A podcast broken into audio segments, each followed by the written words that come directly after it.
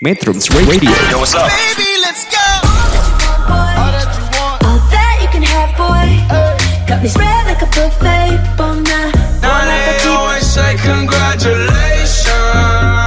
Come and strip that down for me. I'm on my way. Girl, come and strip that down for me. Yeah, yeah, yeah, Metrums. Radio, media terintegrasi kaum muda. Selamat malam metronom, berjumpa kembali di acara Arah Pandang Bincang Ideologi dan Politik Internasional edisi Kamis tanggal 1 Juli tahun 2021 dari radio online Metro Bandung di bilangan Jati Handap Bandung.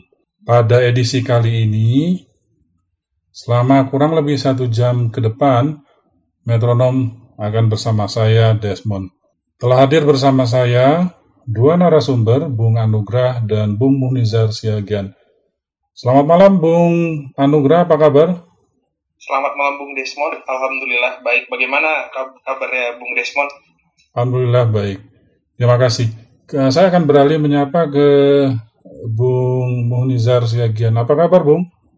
Sehat, alhamdulillah. Bang Desmond, metronom, sehat semua. Ini kita harus melewati masa-masa krisis ini dengan banyak bersabar dan berdoa ya, Bang Desmond, Betul, Bung. Anugrah. Ya. Em, kita tidak bertemu, tapi ayo sama-sama saling berkirim doa lah biar eh, kita sama-sama kuat ini melewati problem-problem ini. Itu Bang Desmond. Baik, baik. Metronom, dalam kesempatan ini eh, topik yang akan dibawakan oleh dua narasumber ini adalah demokratisasi energi. Apa yang dimaksud dengan demokratisasi energi akan dijawab langsung nanti pada sesi kedua oleh kedua narasumber.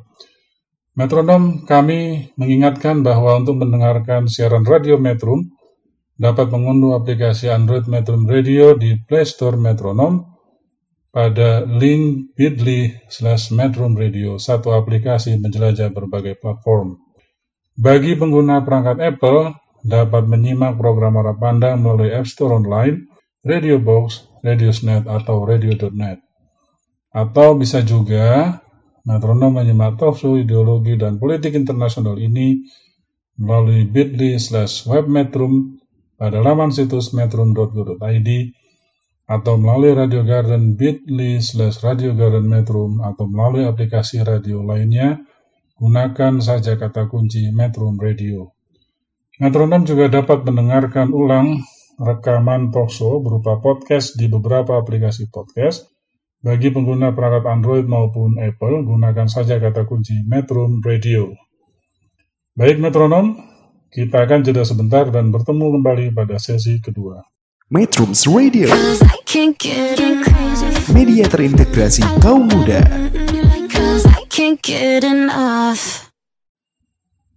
Metronom saat ini kita telah berada di sesi kedua acara Arah Pandang, Bincang Ideologi dan Politik Internasional. Bung Anugrah, saya mempersilakan Bung untuk memaparkan apa itu demokrasi energi. Eh, terima kasih sebelumnya Bung Desmond. Jadi eh, arti dari demokrasi energi adalah eh, sebagai kebebasan dalam memilih penyedia energi, kebebasan dalam memproduksi energi sendiri, dan pemenuhan hak ketersediaan energi bagi masyarakat oleh negara.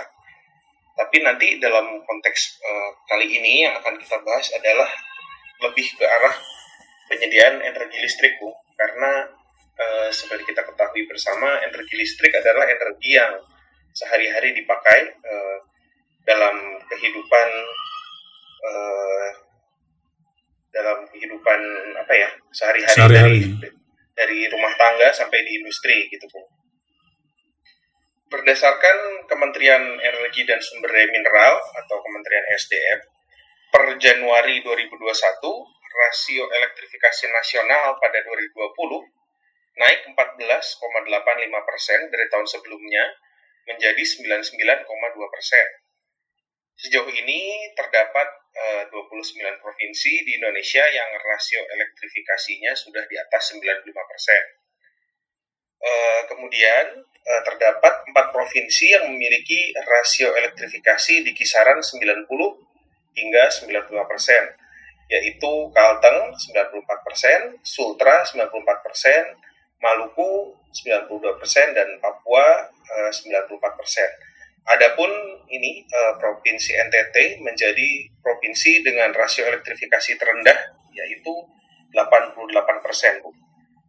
Eh, pemerintah menargetkan rasio elektrifikasi di Indonesia eh, bisa mencapai 99,9% pada tahun 2021. Dan eh, untuk elektrifikasi di NTT eh, ditargetkan diangkat eh, hingga level 95%. Eh, untuk proyek elektrifikasi di NTT dan NTB ini eh, didukung dengan pembangunan pembangkit listrik tenaga gas dan uap atau PLTGU Lombok Tikar, pembangkit listrik tenaga mesin gas PLTMG Bima, eh, ada juga PLTMG Sumbawa, PLTMG Kupang Tikar, Mobile Power Plant atau MPP Flores, PLTMG Maumere, dan PLTU Lombok Timur. Selain dibangunnya PLTU PLTU eh, ini, eh, yang proyeknya sekarang sangat apa ya cukup marak sepertinya di Indonesia, eh, salah satu bentuk lain dalam pemenuhan energi itu dapat didorong melalui pemanfaatan energi baru dan terbarukan atau EBT ya.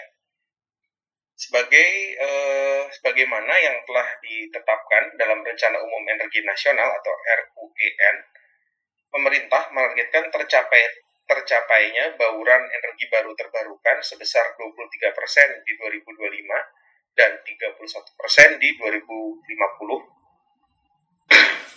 dan apa eh, salah satu EBT yang potensinya melimpah di Indonesia adalah energi surya. Sebagai negara yang terletak di Kastulistiwa, potensi energi surya ini terbilang besar dan berlimpah sepanjang tahun untuk eh, di Indonesia ya. Tidak seperti negara-negara di subtropis gitu yang ada eh, empat musim. Kalau di Indonesia karena dua musim dan berada di Katulistiwa, pot- potensi energi surya ini eh, cukup melimpah. Potensi teknis eh, pembangkitan listrik energi surya atau fotovoltaik di Indonesia ini bis, eh, potensinya ya mencapai 208 gigawatt. Ini berdasarkan Perpres 22 2017 dari SDM hingga 5, 559 gigawatt. Ini saya kutip dari solarhub.id eh, masih berdasarkan Perpres tadi, pemanfaatan energi surya ini di Indonesia terbilang masih relatif sangat kecil, yaitu 0,04 persen atau baru sebesar 78,5 megawatt. Berkenaan dengan tema kita kali ini eh, mengenai demokrasi energi, mengutip dari Ketua Asosiasi Energi Surya Indonesia atau AESI, Fabi Tumiwa, menilai PLTS merupakan bentuk demokratisasi energi pada masyarakat sebab eh, setiap orang dari segala kalangan bisa memanfaatkan dan memakainya. Ia juga mengungkap kalau investasi PLTS ini semakin terjangkau dari waktu ke waktu. Eh, masih menurut eh, eh, Pak Fabi Tumiwa, eh, kurang lebih 10 tahun lalu harga PLTS untuk 1 kilowatt itu masih eh, mencapai lebih dari 1.500 eh, USD. Jadi harga sel surya itu eh, di atas eh, 1 USD per watt ya. Jadi kalau 1 kilowatt kan 1000 watt ya. Kalau misalnya eh, harganya tadi 1500 berarti harga satu sel suryanya itu di atas 1 USD per watt. Nah, kalau saat ini ya untuk investasi 1 kilowatt panel surya itu kurang lebih kisarannya di angka 400 hingga eh, 500 USD. Ini angkanya sudah eh, turun drastis, jadi untuk penyediaan sel surya ini nampaknya bisa lebih terjangkau untuk eh, berbagai macam kalangan. Begitu Bung, kurang lebih. Baik, terima kasih. Menarik sekali ini tentang demokratisasi energi. Saya baru membayangkan, iya ya, PLTS dianggap sebagai salah satu jalan yang terbaik dalam demokratisasi energi karena semua orang bisa memilikinya, tinggal memerlukan semacam teknologi yang mampu mentransfer itu menjadi bentuk energi yang baru diperlu- diperlukan.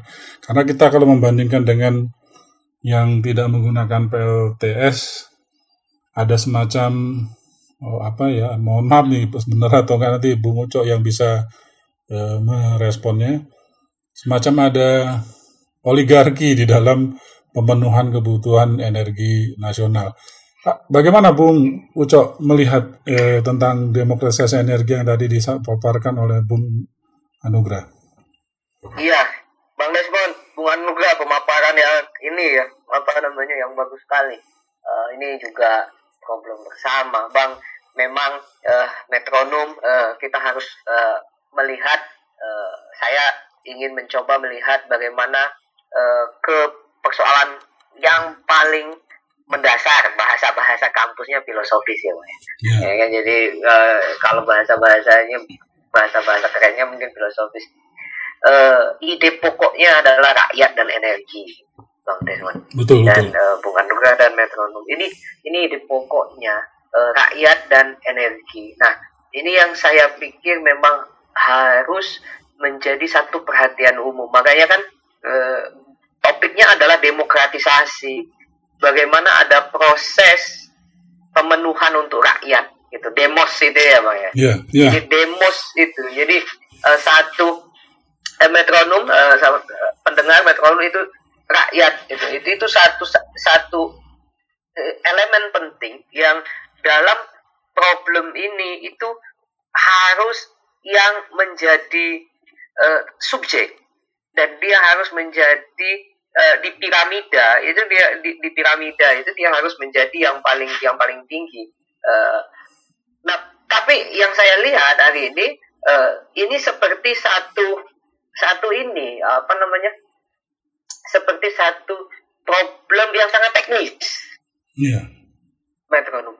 Sangat teknis sekali. Kita bangun listrik di sana, ini di sana. Obrolan itu teknis sekali apa? eh, itu lalu benar kata apa namanya? eh, Bung Anugrah tadi data-data kuantitatif dan lain-lain. Ah, saya melihat saya ingin mengajak ke problem kualitasnya, Bang Desmond. ya, Itu yang yang harus yang harus lebih lebih mendasar lagi yang harus dilihat. Nah, itu problem pertama saya pikir problem mendiskusikan soal hak-hak rakyat.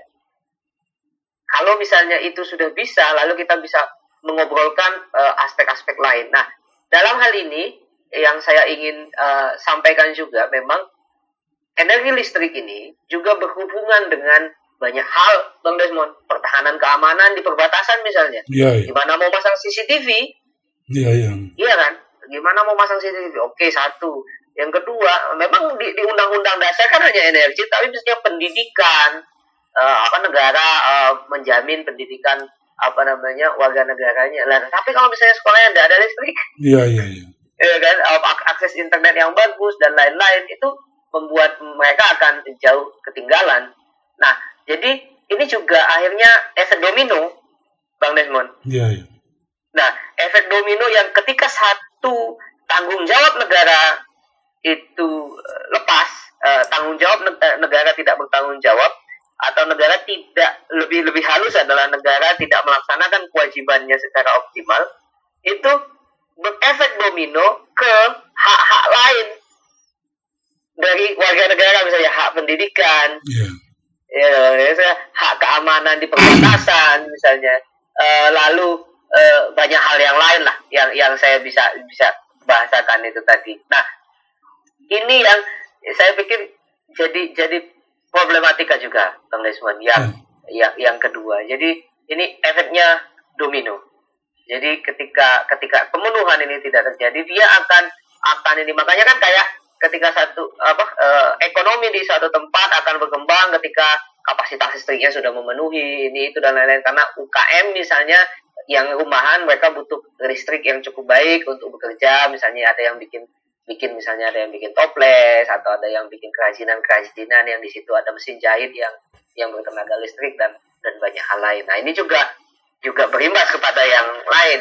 Jadi eh ini yang Desmond dua topik utama saya pikir yang yang yang jadi urgensi untuk diobrolkan adalah di mana posisi rakyat dalam demokratisasi energi ini, ya dah?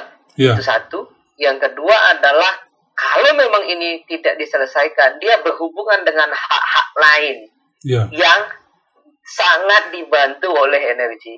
Saya pikir itu, Bang Desmond. Iya, eh, Bang Bung Uca, yang poin dua poin terakhir itu saya sangat apa sangat eh, apa ya mengena sekali ya karena saya pernah beberapa kali diundang ke sebuah museum di perbatasan Indonesia Malaysia di Kabupaten Sintang. Namanya Museum Kapuas Raya. Museum ini museum etnografi. Di dalamnya ada tiga jenis kebudayaan besar di Kalimantan Barat, Melayu, Dayak, dan Tionghoa. Ditata begitu rapi dan cantik. Satu aja yang disayangkan, Bung Uco. Museum ini bukan tidak layak dikunjungi, tapi setiap ada pengunjung datang, listriknya padam. Karena apa? Karena pasokan listriknya tidak tidak sesuai dan dilet- letaknya memang di tengah hutan. Ya ini kan museum di perbatasan ya. Terus itu kan harusnya menjadi apa ujung tombak ya, ujung tombak dalam strategi diplomasi kita membangun kehadiran Indonesia di perbatasan.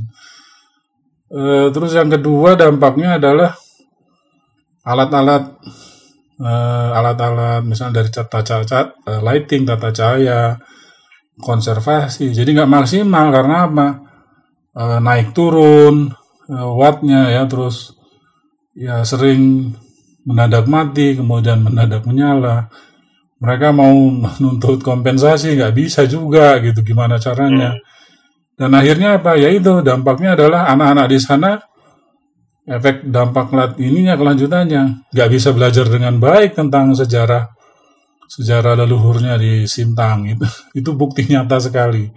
Jadi setiap saya diundang ke sana memberikan apa eh, pelatihan dari tahun 2010 sampai terakhir itu tahun 2006 2016 ya. Itu aja masalah yang dihadapi dan yang yang terjadi di, di di mereka ini kan kita melihat betapa ruginya kita gitu dengan kesempatan untuk mendidik dan memperkuat kehadiran kehadiran Indonesia di perbatasan. Baik, eh, terima kasih Bung Anugrah dan Bung Munizar. Kita sesi kedua cukupkan sampai di sini. Metronom jangan ke mana-mana. Sampai jumpa kembali di sesi ketiga. Metrums Radio, Media terintegrasi kaum muda.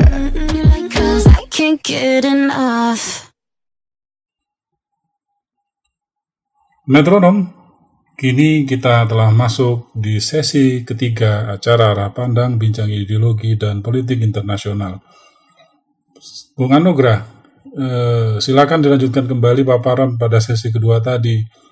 Kita ingin melihat lebih dalam masalah apa yang dihadapi oleh eh, eh, oleh pemerintah dalam mengupayakan ketersediaan listrik bagi warga negaranya.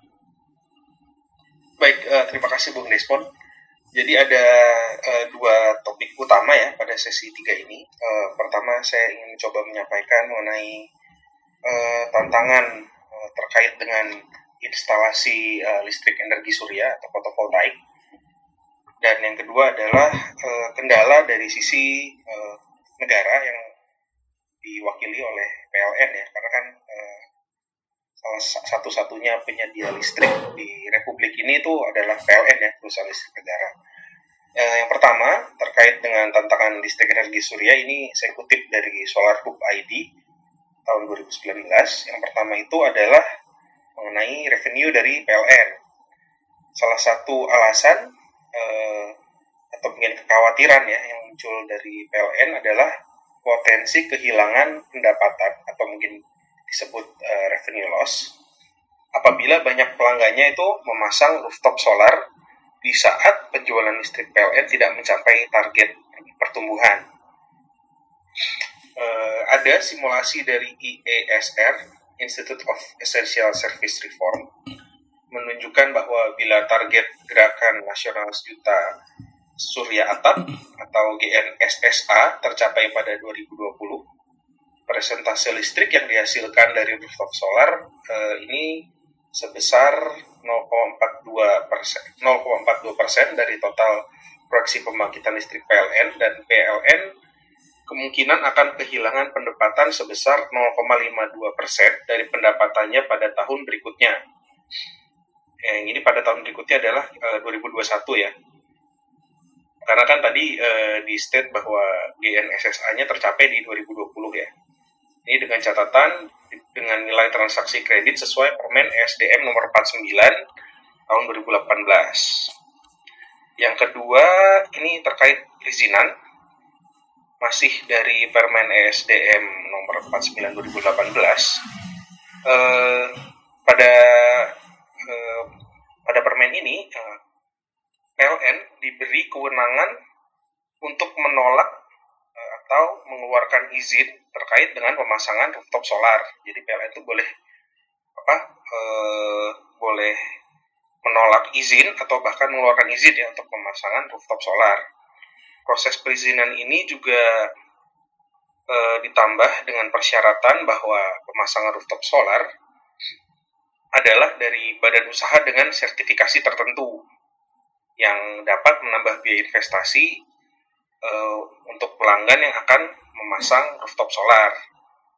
Jadi ini sebagai satu tantangan ya. Jadi satu dari sisi biaya naik, tapi di sisi lain juga eh, kendalanya adalah tidak semua daerah di Indonesia ini mempunyai eh, tadi badan usaha yang punya sertifikasi untuk melakukan instalasi gitu.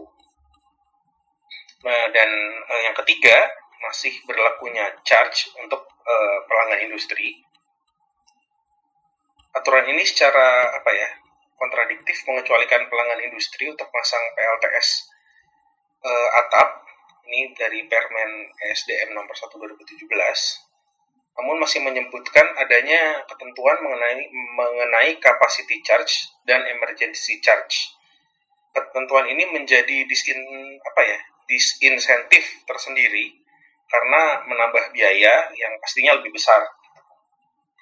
Tapi dari PLN sendiri ini eh, juga punya kendala. PLN sendiri memiliki kendala. Yang pertama, eh, pemerintah menganggarkan sub- subsidi listrik dalam APBN 2021 itu sebesar 5 59,2 triliun dan diusulkan menjadi 61,83 triliun di 2022. Eh, hal ini menunjukkan bahwa eh, apa ya? Ada peningkatan subsidi, pasti ada peningkatan kebutuhan listrik. Tapi hal ini juga memberi sinyalemen eh, terkait dengan bisnisnya PLN ya, karena nilai subsidinya naik gitu. Eh, kendala lain ini, ini saya kutip dari Read ID. Menurut anggota Komisi 7 DPR RI yang membidangi energi dan sumber daya mineral atau SDM, Dr. Haji Mulyanto, ini menyayangkan sikap pemerintah terkait dengan negosiasi dengan Independent Power Producer atau IPP, terutama dalam eh, hal pemberlakuan klausul take or pay ya. Jadi dalam skema take or pay ini, pemerintah melalui PLN harus membayar kepada IPP terlepas dipakai atau tidaknya listrik yang dihasilkan oleh IPP tersebut.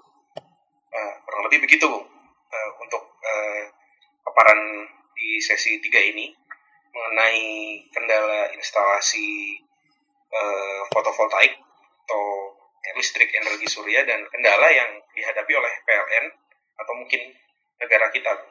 Baik, dari tiga eh, tantangan yang tadi sudah disampaikan, revenue PLN, perizinan, dan masih berlakunya charge untuk pelanggan indu- industri, eh, mana yang paling berpengaruh terhadap demokratisasi energi?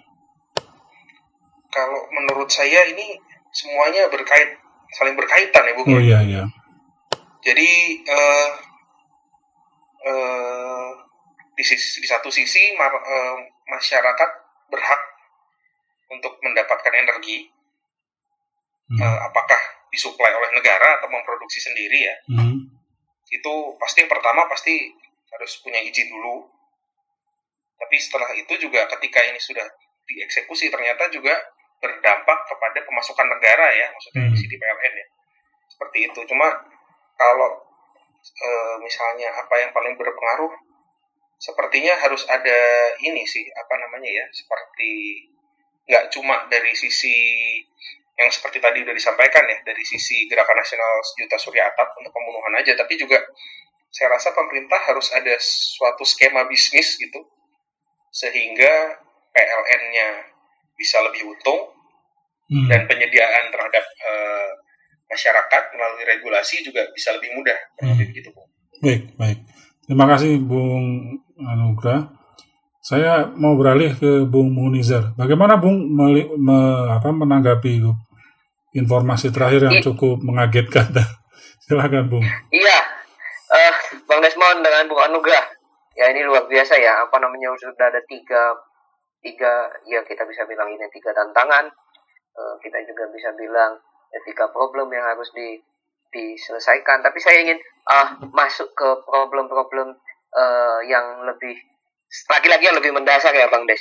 Eh, problem adalah tadi eh, Bung Anugrah mengutip bahwasannya eh, apa namanya ini kan bisnis yang dimonopoli oleh oleh pemerintah Eh, tapi ada fakta-fakta bahwasannya eh, ada ada problem organisasi birokrasi lalu ada fakta-fakta soal eh, apa eh, kerugian ya kerugian. Eh, dia dia dia, menjual oh, rakyat kalau butuh listrik pasti ke PLN tetapi kok rugi gitu kan. Pasti maksudnya dia jualan itu pasti ada pasti dibeli tapi kok rugi gitu. Nah itu kan jadi ini ternyata biaya produksi dengan biaya jual ada subsidi negara ada tanggung jawab negara sebenarnya di sana untuk mensubsidi mensubsidi karena merasa bahwasanya eh, rakyat mungkin dari penghasilan eh, per bulan rata-rata per bulannya sangat berat untuk membayar listrik kalau tidak disubsidi. Nah kita melihat eh, pada pada pada pada fase ini eh, pendekatan subsidi ini tadi eh, Bang Desmond dengan eh, Bung. Tapi saya ingin masuk ke misalnya ide-ide liberal. Eh, walaupun sebenarnya saya juga takut kalau ini diterapkan di, di, di, negara kita. Misalnya privatisasi PLN misalnya, eh, lalu mereka menjadi satu. Di, ya, ini, ini ini saya pikir ide ide ide idenya adalah ketika satu lembaga negara itu diprivatisasi dia akan bicara profit. Nah problemnya kan sekarang eh, kerja ndak kerja pegawainya digaji. Eh, mau untung nggak untung eh, apa namanya eh, bukan kerja nggak kerja tapi untung nggak untung itu perusahaan negara itu pegawainya digaji. Nah tapi kalau misalnya sudah diprivatisasi kita anggaplah misalnya tunjangan kinerja dan lain-lain gitu kan Nah, itu eh, tunjangan kinerja misalnya itu kan semi, semi privatisasi ya bang Desmond ya. Iya, iya. Jadi kan gaji pokok mungkin sama, Iya, Eh, iya, betul. ini manajemen organisasi, tapi yang paling rajin, misalnya kalau yang dinas pajak, dia bisa memeriksa pajak berapa dalam satu bulan, dia kinerjanya eh, akan meningkat. Jadi ukur ukurannya adalah kinerja, baik kinerja administratif gitu ya, eh, atau kinerja-kinerja yang lain yang diakui eh, dalam skema penggajian itu. Nah, kalau diprivatisasi, ini teorinya, teorinya maka semua pegawainya akan bisnis oriented dia akan bisnis oriented. Oh, saya harus giat bekerja ini. Eh, PLN harus untung ini ini itu dan lain-lain. Jadi mungkin apa namanya kita harus berhemat karena karena kondisi keuangannya seperti ini itu dan lain-lain. Jadi dia dia memang sudah kayak pengusaha, sudah kayak pengusaha. Nah, eh, problemnya sekarang kan eh, PLN itu pelayan ya, kan jargonnya gitu kan, eh, melayani listrik negara, eh, melayani listrik rakyat. Jadi dia melayani karena masih di bawah pemerintah. Nah, kalau privatisasi idenya seperti itu. Nah, kalau misalnya kompetisi ini juga bagus, idenya ya, secara teoritis ide idenya ya kompetisi ya juga bagus. Jadi ketika ada saingan, maka eh, mau tidak mau kan orang akan me- terus ber- eh, apa namanya terus berinovasi ya, Bang Desmond dengan Iya. Bung Anugrah agar eh, la- laku produknya eh, dan itu juga menguntungkan konsumen eh, karena konsumen bisa memilih eh, yang sesuai dengan eh, kebutuhannya dan bisa berpindah ketika kecewa. Nah problemnya sekarang kayak saya mati lampu mau ke mana Bang Desmond? nggak nggak nggak nggak nggak nggak. Ini kan nggak ada Iya. pilihan lain. Uh, pilihan lain. Nah dua ide ini saya pikir nah, privatisasi dan kompetisi ini mungkin uh, saya sih tidak berharap diterapkan diterapkan mentah-mentah dari barat ke Indonesia. Eh, saya tidak tidak tidak sepakat itu. Eh, tapi diadaptasikan mungkin dengan kondisi-kondisi eh, apa namanya misalnya kondisi manajemen organisasi di dalam internal PLN dan banyak hal yang lain. Karena begini juga eh, ada kemampuan-kemampuan daerah-daerah yang jauh dari ibu kota. Daerah ini ini problem klasik, ini problem klasik di Indonesia nih Bang Desmond makin jauh dari pusat makin tidak diperhatikan. Nah, iya kan? Lalu ketika mereka misalnya harus membeli membeli peralatan ini segini segitu dan lain-lain tidak disubsidi, ya pendapatan daerahnya juga dari mana? Nggak nggak nggak besar apa namanya untuk untuk mencukupi itu. Jadi saya pikir di sini juga tetap ya demokratisasi itu eh, apa namanya idenya adalah tetap rakyat saya pikir. Nah itu yang yang yang jadi jadi jadi ide awal yang harus kita berangkat ke mana. Jangan sampai nanti eh, akhirnya kompetisi bebas. Jadi siapa yang bisa membayar mahal, dia mendapatkan listrik dengan kualitas yang seperti ini, ini, ini, ini. Tapi kalau misalnya membayarnya pas-pasan, eh, kayak gini-gini. Saya pikir itu itu juga tidak tidak bijaksana untuk diterapkan di negara berkembang seperti, seperti kita, Bang Desmond. Nah, dari dari dua ide ini tadi, saya pikir ini mungkin ide-ide ketika ingin mereformasi birokrasi yang korup gitu ya, Bang Desmond ya Ya. Eh, birokrasi atau apa beberapa organisasi yang memang dia harus berubah eh, ke ke sektor-sektor yang lebih le- lebih kompetitif. Nah, ini Bang Desmond, saya kira eh, pada problem-problem ini sampai hari ini sa- saya yang kurang membaca atau seperti apa yang saya lihat step-stepnya sudah ada ke sana, tetapi belum ideal. Gimana Bang Desmond menanggapinya? Kalau menurut saya ya belum ideal sampai hari ini. Itu Bang Desmond. Kalau sudah ideal harusnya bukan isu lagi demokratisasi energi di Indonesia. Sudah demokratis ya. Sudah demokratis. Ya, Baik, eh, terima kasih banyak Bung eh, Bung Munizar atas tanggapannya. Terima kasih Bung Anugrah. Metronom, demikian sesi ketiga baru saja berlalu. Kita akan jumpa kembali pada sesi keempat. Metrums Radio, media terintegrasi kaum muda.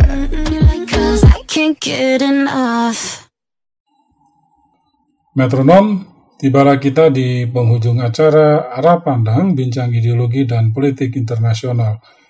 Ini merupakan sesi keempat.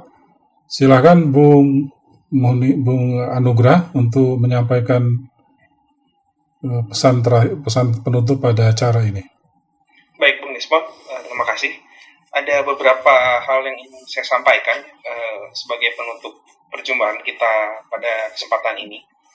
Pertama, eh, untuk daerah yang secara geografis sulit dijangkau oleh jaringan listrik eh, yang apa, yang yang disuplai oleh negara begitu ya, terkait dengan demokratisasi energi eh, panel surya atau solar panel ya ini bisa menjadi solusi elektrifikasi yang cukup efektif mengingat ketersediaan energi surya yang melimpah di Indonesia.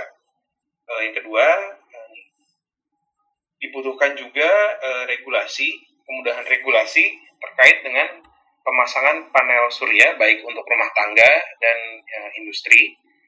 Dan yang terakhir diperlukannya eh, suatu skema bisnis gitu yang baru eh, dan juga eh, renegosiasi terkait eh, take or pay eh, dari IPP, Bung.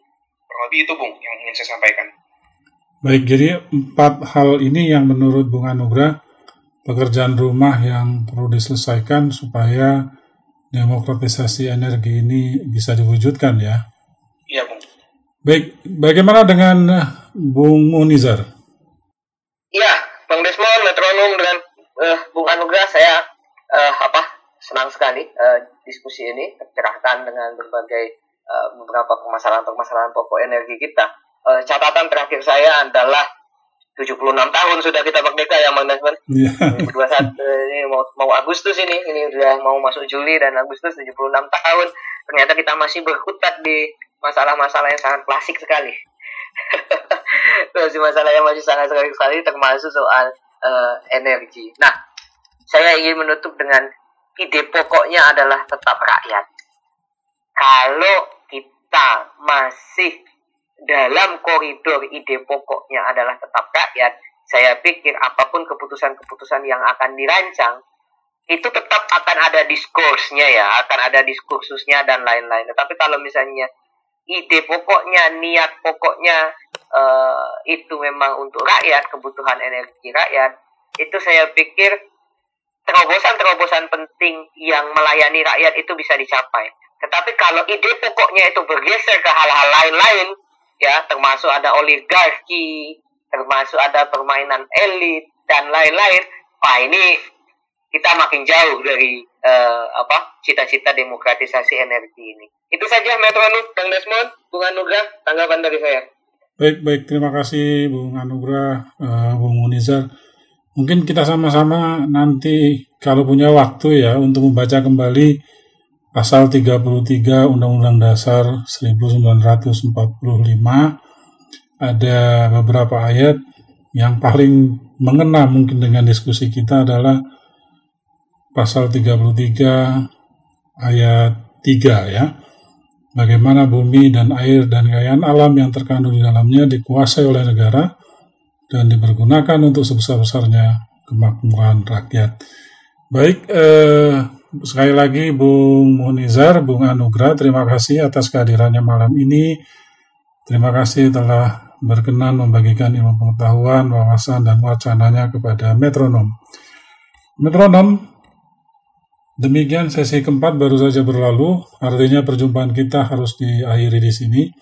Semoga perbincangan tadi tentang demokratisasi energi bermanfaat bagi metronom sekalian, terutama dalam menambah wawasan dan menentukan arah pandang. Kami mengucapkan terima kasih atas kebersamaan metronom selama satu jam berlalu. Semoga sehat selalu. Sampai jumpa kembali Kamis pekan depan dengan topik-topik yang menarik. Tetap stay di Metro Radio, media terintegrasi kaum muda dalam jelajah komunitas. Selamat malam. Metro Radio. Yo, what's up? Baby, let's go. All that you can have, boy. Got me spread like a buffet. Bon Now they always say congratulations. Come and strip that down for me. I'm on my way. Girl, come and strip that down for me. Yeah, yeah, yeah, Metro yeah. Radio, media terintegrasi kaum muda.